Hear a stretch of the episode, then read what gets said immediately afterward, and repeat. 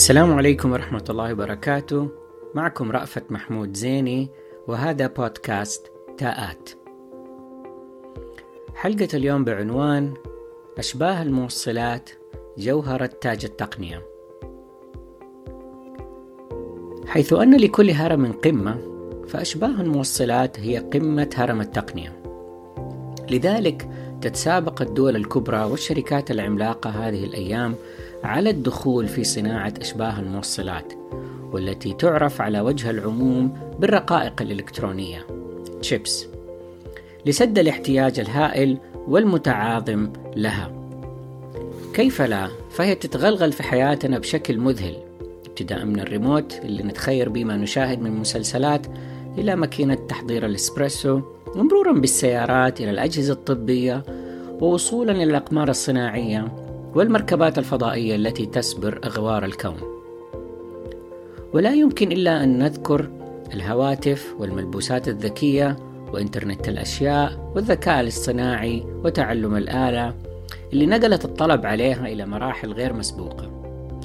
كمان الانفجار الهائل في عالم البرمجيات وتطبيقاتها والشركات الناشئة القائمة عليها يقف على إرث ضخم متنام من أشباه الموصلات اللي سوغت وجوده بالدرجة الأولى. إن صناعة أشباه الموصلات وسلاسل إمداداتها معقدة للغاية وذات كلفة هائلة، فهي تمثل مجالا تتزاوج فيه العلوم البحتة والهندسة التطبيقية بشكل مثير. فهي تتطلب معدات لديها القدرة على تحويل الخواص الفيزيائية والكيميائية للمواد إلى تقنيات تمكنها من تكسية أسطح رقائق السيليكون بطبقات يصل سمكها إلى مقاس الذرة وترسم وتشق عليها أخاديد ومنعطفات معقدة على هيئة طبقات متعددة بمقاسات نانومترية تستخدم كطرق تسير فيها الإلكترونات المتناهية الصغر بحركة منتظمة. حسب الأوامر التي تصلها في مشهد خيالي لا تراه العين وتمثله المعادلات الرياضية المعقدة لتنتج للمستخدم دائرة إلكترونية معقدة البنية والتراكيب سهلة الاستخدام بضغطة زر. تتكون تلك الصناعة من مراحل متعددة تبدأ بالتصميم الذي هو فن مثل ما هو علم وممارسة حميمة. إلى عمليات التصنيع فيما يعرف بال fabs التي تتطلب دقة هائلة ومعدات ومرافق مواد ذات مواصفات خاصة يصعب تحقيقها فضلا عن الحفاظ عليها. فهي تتطلب درجة فائقة من النظافة تفوق نظافة غرف العمليات الجراحية بأضعاف وتحتاج إلى دقة متناهية للتحكم في بيئتها من ماء وكهرباء وحرارة ورطوبة بل وحتى في درجة نقاوة وطريقة تدفق الهواء داخلها وتتخللها مراحل متعددة للقياس والتحقق من جودة منتجاتها ومطابقتها للمقصود من التصميم. ومن ثم تغليفها في مغلفات خاصة تنتقل بعدها الرقائق إلى المصانع لتجمع على اللوحات الإلكترونية مع بقية رفيقاتها من العناصر. لتستقر إما في جهاز زهيد الثمن يساعدك في البحث عن مفاتيحك المفقودة أو في كاميرا ثمينة تبصر بعيدا في عمق الظلام وتميز أدق التفاصيل.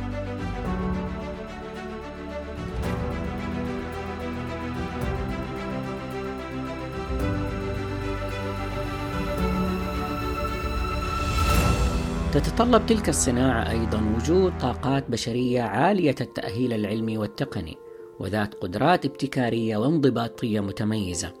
يتطلب استقطابها وتدريبها وقتا وجهدا واستثمارا هائلا لتحقيق متطلبات التصميم والتصنيع والقياس والتغليف والتطوير المستمر.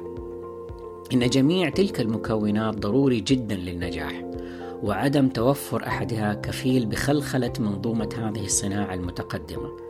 ومما يزيد من حساسيتها أن مالكي تقنياتها ومصنعي معداتها وموردي موادها والقادرين على بناء مرافقها وتشغيلها وصيانتها وتصنيع منتجاتها من ندرة الندرة على مستوى العالم أجمع مما يجعلها تتربع على رأس الهرم الصناعي دون منافس باقتدار. لذا فقد اكتفت كثير من الدول والشركات بشرائها.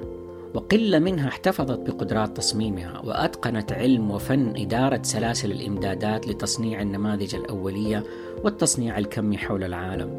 وهو تصرف متوقع حيث أن تكاليف التصميم رغم صعوبته لا توازي تكاليف بناء المعامل والمصانع والحفاظ عليها وتطويرها وأتمتتها لتواكب متطلبات التصميم المتسارعة. التي تكاد تتجاوز حدود قانون مور الذي رسم منحنى توقع تصاغر أحجام الترانزستورات وزيادة قدراتها وانخفاض تكلفتها عبر الزمن. أدى ذلك إلى تركز القدرات التصنيعية في كيانات محدودة جدا أخذت في النمو المتسارع لتغطي الاحتياج العالمي المتعاظم بكفاءة وأسعار تصعب منافستها حتى على أعتى الدول الصناعية. عندما حلت جائحة كورونا وتوقفت مصانع السيارات وما شابهها من الصناعات الضخمة انخفضت الطاقة الإنتاجية للمصانع والمعامل. لكن تصاعد الطلب على الكمبيوترات والأجهزة المحمولة فضلا عن النمو المستمر أصلا للذكاء الصناعي وإنترنت الأشياء والثورة الصناعية الرابعة المتمثلة بالمصانع الذكية وخلافها تسبب في اختناقات هائلة وأزمنة توريد متطاولة لتلك الشرائح في قطاعات متعددة. منها الاستهلاكي البحت الذي لا يحتمل الانتظار ومنها الاستراتيجي الذي يهدد أمن وسيادة الدول. خلال فترة الجائحة احتل دخول شركات التقنية العملاقة مثل جوجل وأمازون وفيسبوك ومايكروسوفت مجال صناعة الرقائق الإلكترونية باستثمارات مليارية عناوين الصحف الاقتصادية العالمية. ربما للاستجابة للطلب الهائل عليها والنقص الشديد في توريدها وتحقيق أرباح هائلة من ورائها. وربما نتيجة تحولهم التدريجي نحو تصنيع العتاد بعد أن كان تركيزهم فقط على البرمجيات احتذاء بمنافستهم العتيدة أبل. وعدم الاكتفاء بالعالم الرخو للبرمجيات والمنصات الذي مهما زاد وهجه وانتفشت أرباحه فهي لا تصل إلى صلابة عالم العتاد وعمقه واستدامته. كما عادت الدول الكبرى مثل الولايات المتحدة بقوة إلى الاستثمار بمليارات الدولارات في تصنيع أشباه الموصلات وضيقت الخناق على تصدير المعرفة التصميمية والخبرات التطويرية والتصنيعية التي تتسيد العالم فيها باعتبارها أسرارا استراتيجية لحماية أمنها الوطني وتعزيز سيادتها العالمية. بعد أن تراخت قليلا عن حماية عرش ريادتها التقنية الذي تمثل أشباه الموصلات جوهرة تاجه وواسطة عقده.